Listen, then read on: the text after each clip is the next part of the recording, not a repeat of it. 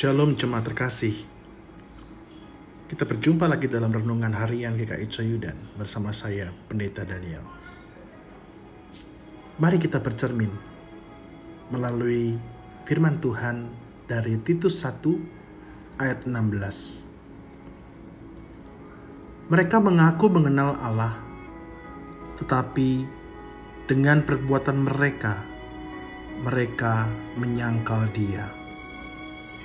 Mereka keji dan durhaka dan tidak sanggup berbuat sesuatu yang baik.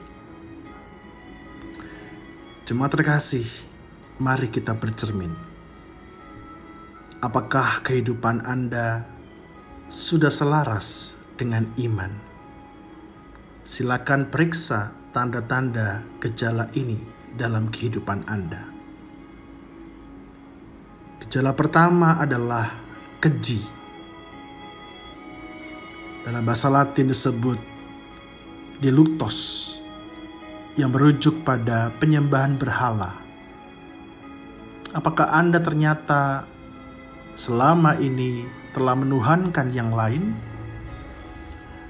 Jika Anda terlalu memikirkan segala sesuatu terkait uang, kerja banting tulang demi menambah uang, bahkan tidak pernah merasa cukup dengan uang yang dimiliki, bisa jadi anda sudah menuhankan uang. Jika Anda rela melakukan apa saja, bahkan jalan terjahat pun, Anda terobos demi ambisi tercapai, bisa jadi Anda sudah menuhankan ambisi. Atau jika Anda mengejar hal-hal lain di luar Tuhan Allah hingga segalanya Anda korbankan, bisa jadi Anda sudah bergejala kekejian. Gejala kedua adalah durhaka. Dalam bahasa Latin disebut apetes yang berarti tidak percaya, tidak taat, dan keras kepala. Jika Anda terlalu banyak mengabaikan pesan, teguran, atau arah dari firman Tuhan, bisa jadi Anda masuk dalam gejala durhaka.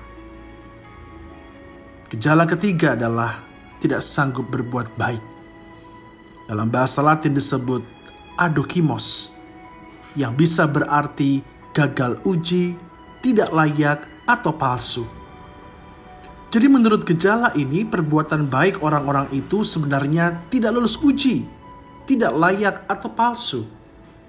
Mereka bisa terlihat berbuat baik, namun perbuatan baik mereka tidak berkenan di hadapan Allah. Mereka bisa menyimpan motivasi yang jahat saat berbuat baik. Mereka mungkin juga melakukan perbuatan baik yang palsu untuk menipu orang lain. Apakah kita sudah mengenali gejala-gejalanya? Jika ada, mari kita periksakan lebih lanjut dengan Tuhan Sang Tabib yang agung. Dalam 1 Yohanes 1 ayat 9, firman Tuhan mengatakan, jika kita mengaku dosa kita, maka ia adalah setia dan adil, sehingga ia akan mengampuni segala dosa kita dan menyucikan kita dari segala kejahatan. Mari kita berdoa. Ya Roh Kudus, selidikilah sampai kedalaman batin kami.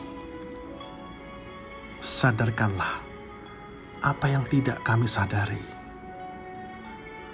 Lingkupilah kami dengan kasih anugerahmu. Amin.